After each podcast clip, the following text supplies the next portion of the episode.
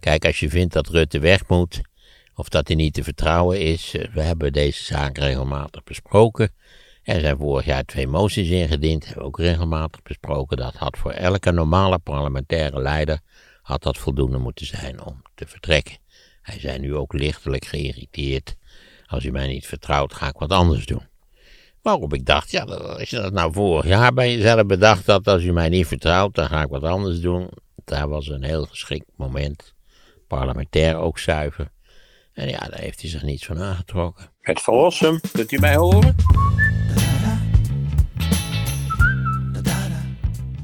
Hoe heb jij uh, naar dat verhaal van Rutte gekeken met zijn uh, Nokia?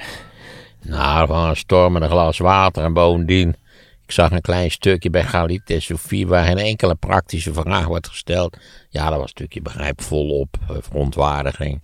Dat hij die berichtjes van zijn telefoon gelazerd had, wat voor zover ik kan zien vrij begrijpelijk is. Want ja, ja, ja, zeker in zijn geval, wat moet je met honderden berichten op een mini-telefoontje, dat, dat moet er een keertje af. Maar ja, mijn vraag was, eh, geldt dat voor iedereen die zijn telefoon gebruikt voor, voor berichtenverkeer? Geldt dat ook voor Kamerleden, ministers, topambtenaren?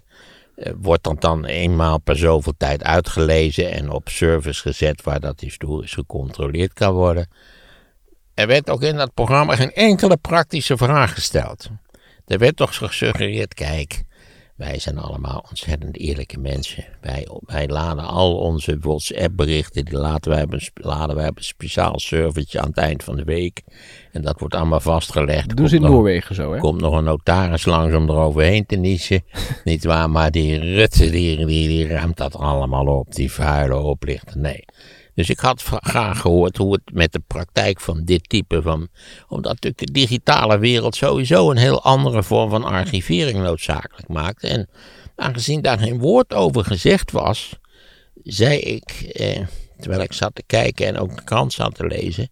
Dit is toch ook weer van een verbijsterende oppervlakkigheid. En waarom is er in zo'n redactie nou niet even doorgedacht? Wat vraag je aan mensen? Eh, hoe zou dat dan moeten? Uh, is dit wat Rutte doet, is dat gebruikelijk of niet gebruikelijk? Het is weer datzelfde gezeik over, die, de, het gebruiken van de eigen e-mail, uh, die eigen e-mailaccount. Moet dat wel of moet dat niet? En zo nee of zo ja, hoe ga je de e-mails dan opbergen? Ja, ik heb zelf bijvoorbeeld op de computer, de, tenminste dat zegt hij elke ochtend weer, nog 27.000 e-mails staan van de afgelopen jaren. En het is hartstikke handig. Dus in mijn, mijn geschiedenis kan volledig uitgelezen worden, moet ik je zeggen. Hartstikke handig, omdat ik dan denk, ja, had ik die afspraak, heette die man niet, niet, niet Pietje Puk, of, of was het nou Jantje Puk? Ik, en dan typ ik in, je kunt zo'n zoekvenstertje heb je, en dan typ je in, in Pietje Puk, en verdomd, 2017 eh, heb ik met Pietje Puk ooit een telefonische afspraak over deze of gene zaak gemaakt. Dus ik ben, ik ben ik vind het fijn dat dat ding het onthoudt. En dat niet alleen, dat het stomme ding het ook doorzoekbaar maakt. Want Pietje Puk, dat is, staat in een fractie van een seconde, verschijnt Pietje Puk in je scherm. Ja. Maar en hier vond ik weer. Wat, wat leren die journalisten toch op die journalistenacademies? Dat zou ik wel eens willen weten. Hè? zijn toch allemaal heel. Ben ik nou de enige die dat soort van voor de hand liggende vragen stelt? Hoe, hoe zou Rutte dat dan moeten doen? Moet hij dan één keer per dag van zijn Nokia een speciale digitale verbinding maken met het digitale archief van het ministerie van Algemene nou ja, Zaken. Je hebt gehoord hoe het nu ging. Hij bepaalde zelf wat hij belangrijk vond om door te sturen. Ja, dat kan ik me wel voorstellen. Er zit natuurlijk ook een hoop ruis bij. Hij zal Jort toch ook regelmatig mailen van... hé hey Jort, zullen we nog een borrel gaan drinken? Ja, daarvan zei hij dat stuur ik niet door. En bel eventjes of zo, daarvan zei hij ook dat is ook niet belangrijk. Nee, natuurlijk, daar heeft hij groot gelijk in. Ja, is dat zo? Een journalist van de NOS vroeg, het kan best zijn dat dat bel eventjes, dat dat in een groter geheel best een belangrijk berichtje is. Ja, nou goed, dan nogmaals, dan is mijn vraag, eh, hoe gaan we dat archiveren?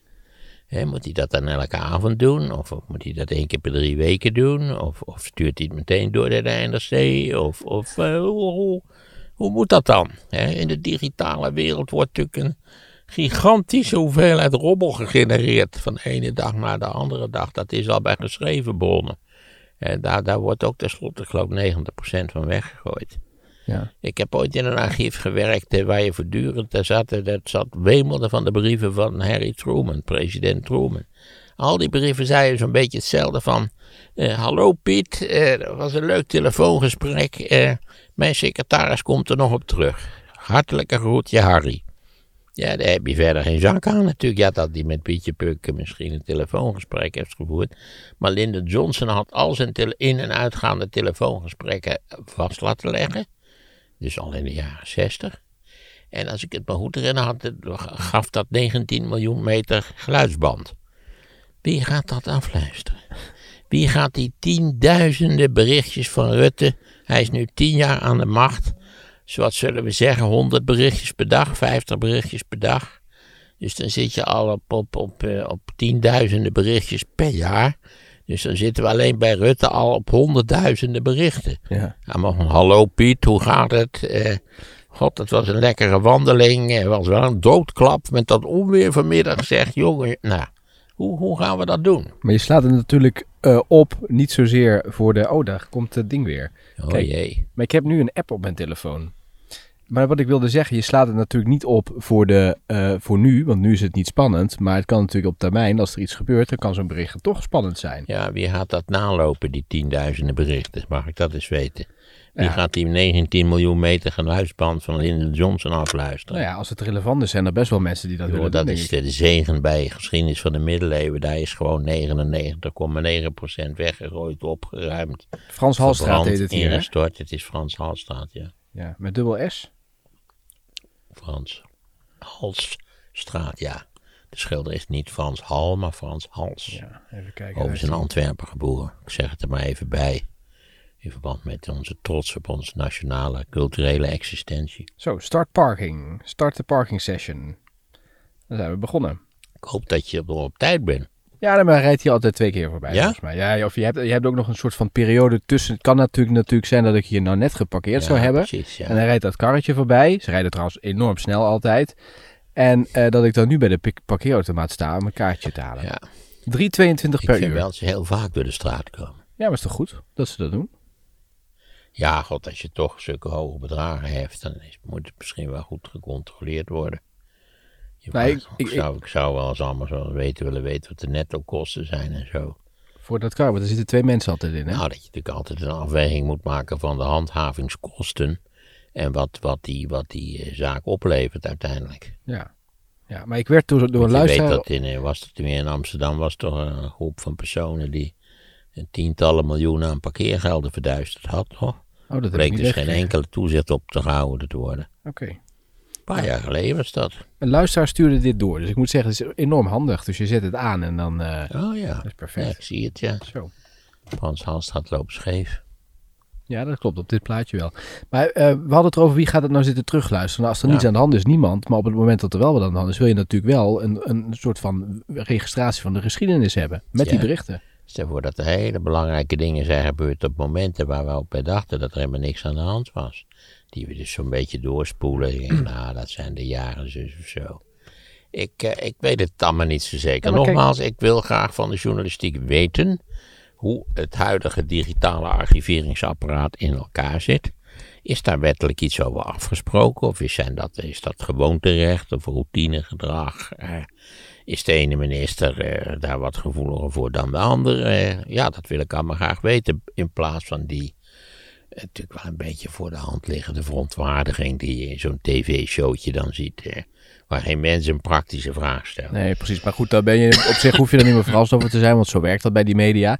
Maar bijvoorbeeld Donald Trump, die heeft volgens mij een, een half uur of drie kwartier mist uit een gesprek wat hij voor die bestorming op het Capitool had. Ja, dat zal hij wel opgeruimd hebben. Ja, maar ik denk aan Nixon, hè, die had zo'n pedaal onder zijn bureau. En ik geloof dat zijn eh, secretaresse ook flink gewist had. Ja, Ten slotte komt het toch allemaal uit omdat er natuurlijk een wederpartij is geweest in dat geval. ja, maar bij Trump hebben we nog niet gehoord wat eh, in die gesprekken die gewist zijn nou gezegd is. Nee, ze eerst maar eens toestemming te krijgen, want het zal ook wel een of andere een verjaringstermijn zijn. Je kunt ook niet vragen wat ze in het kabinet in Nederland vorige week besproken hebben. Daar zit een termijn op. Ik weet niet, 25 jaar of misschien nog wel meer, weet ik niet uit mijn hoofd. Dus eh, en nogmaals, ik wil precies weten hoe het zit. Kijk, eh, opgewonden verontwaardiging, daar kopen we niks voor. Nee. Kijk, als je vindt dat Rutte weg moet, of dat hij niet te vertrouwen is, we hebben deze zaak regelmatig besproken. Er zijn vorig jaar twee moties ingediend, hebben we ook regelmatig besproken. Dat had voor elke normale parlementaire leider had dat voldoende moeten zijn om te vertrekken. Hij zei nu ook lichtelijk geïrriteerd. Als u mij niet vertrouwt, ga ik wat anders doen. Waarop ik dacht, ja, als je dat nou vorig jaar bij jezelf bedacht had, als u mij niet vertrouwt, dan ga ik wat anders doen. Daar was een heel geschikt moment. Parlementair ook zuiver. En ja, daar heeft hij zich niets van aangetrokken. Ja, maar hij zei nog meer. Hij zei namelijk, uh, er is altijd een soort van, het begint altijd met wantrouwen hier in de Kamer. Dat zei hij volgens mij tegen Caroline van der Plas. En hij zei, er zijn heel veel ministers die vinden hun vak heel mooi, maar die ontmoeten een soort van wantrouwen hier in de Kamer en dat vinden ze niet prettig. Ja, dat vind ik, ik weet niet, is er ook een definitie van democratie, georganiseerd wantrouwen? Ja. Ja, je, je moet in principe moet je niet altijd permanent van de goede trouw uitgaan. Eh, maar er moet wel goede reden zijn voor wantrouwen. Dat vind ik weer wel. Je kunt niet alles wantrouwen. Eh, dat er is natuurlijk ook, ook, zeker in de politiek, is er een neiging tot paranoia.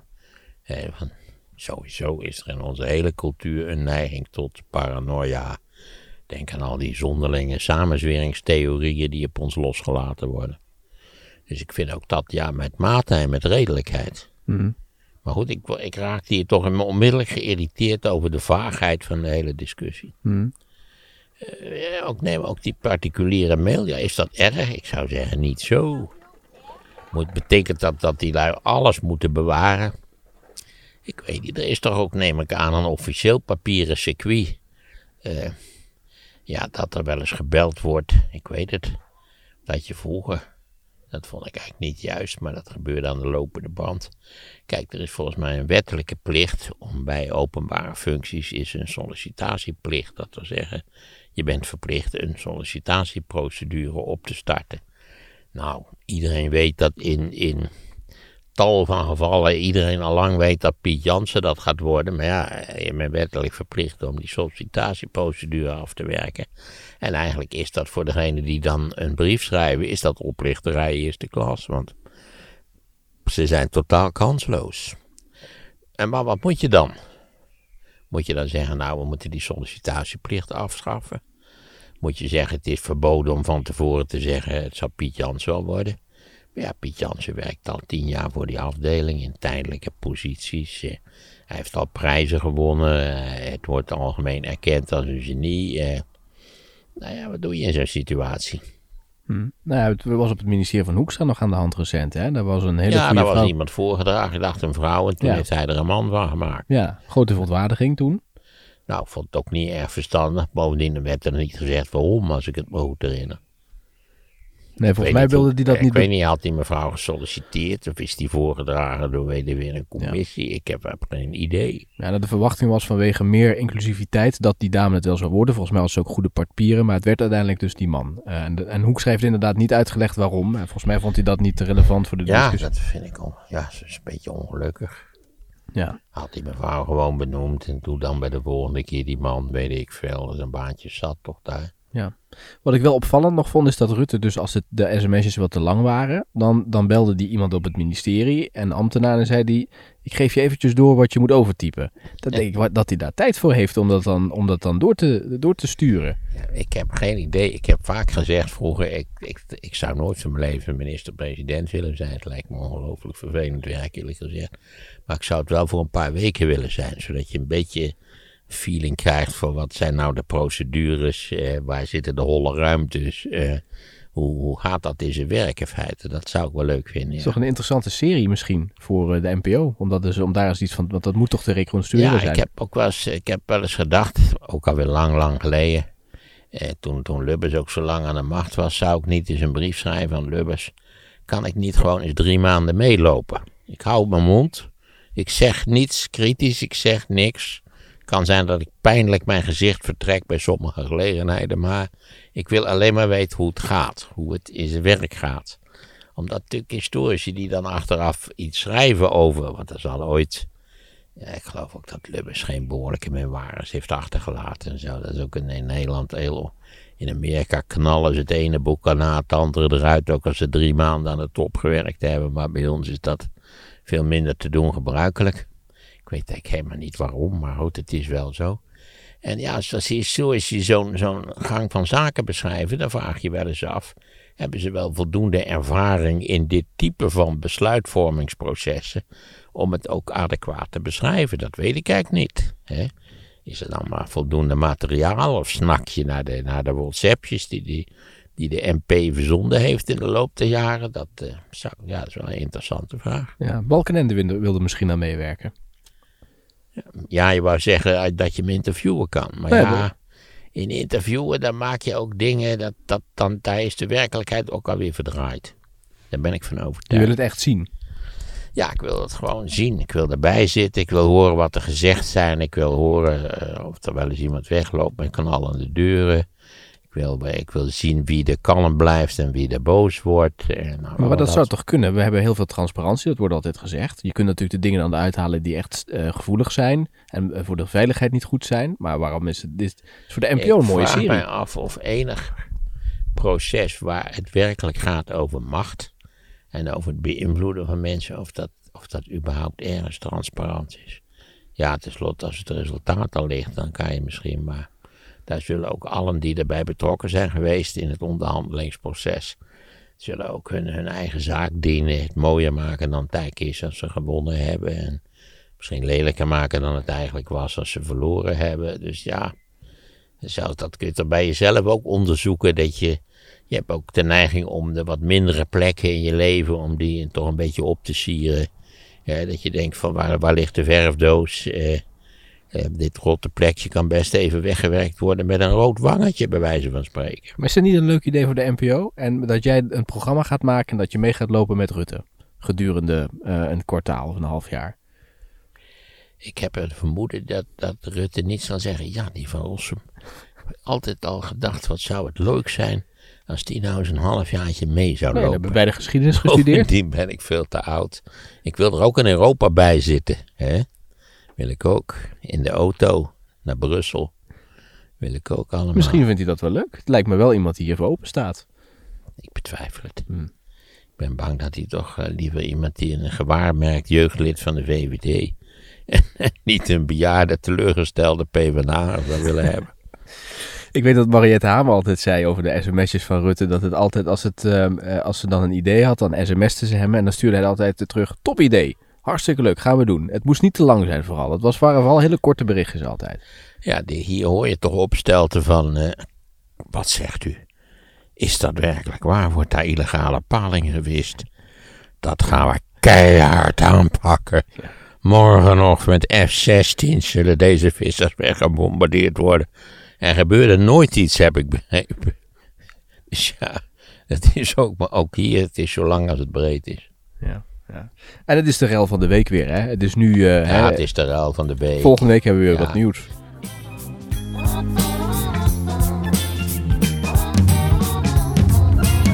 Dat gaan we keihard aanpakken. Voor ons ligt Duitsland in ons marschiert Duitsland en hinter ons komt Duitsland. Maarten van Rossum over Hitler. De Joden streefden naar een eigen wereldheerschappij. Ze waren dus een parasitair ras, wat in feite die vitaliteit van het volk, in dit geval het Duitse volk, wezenlijk bedreigde. Download het luisterboek via de link in de beschrijving.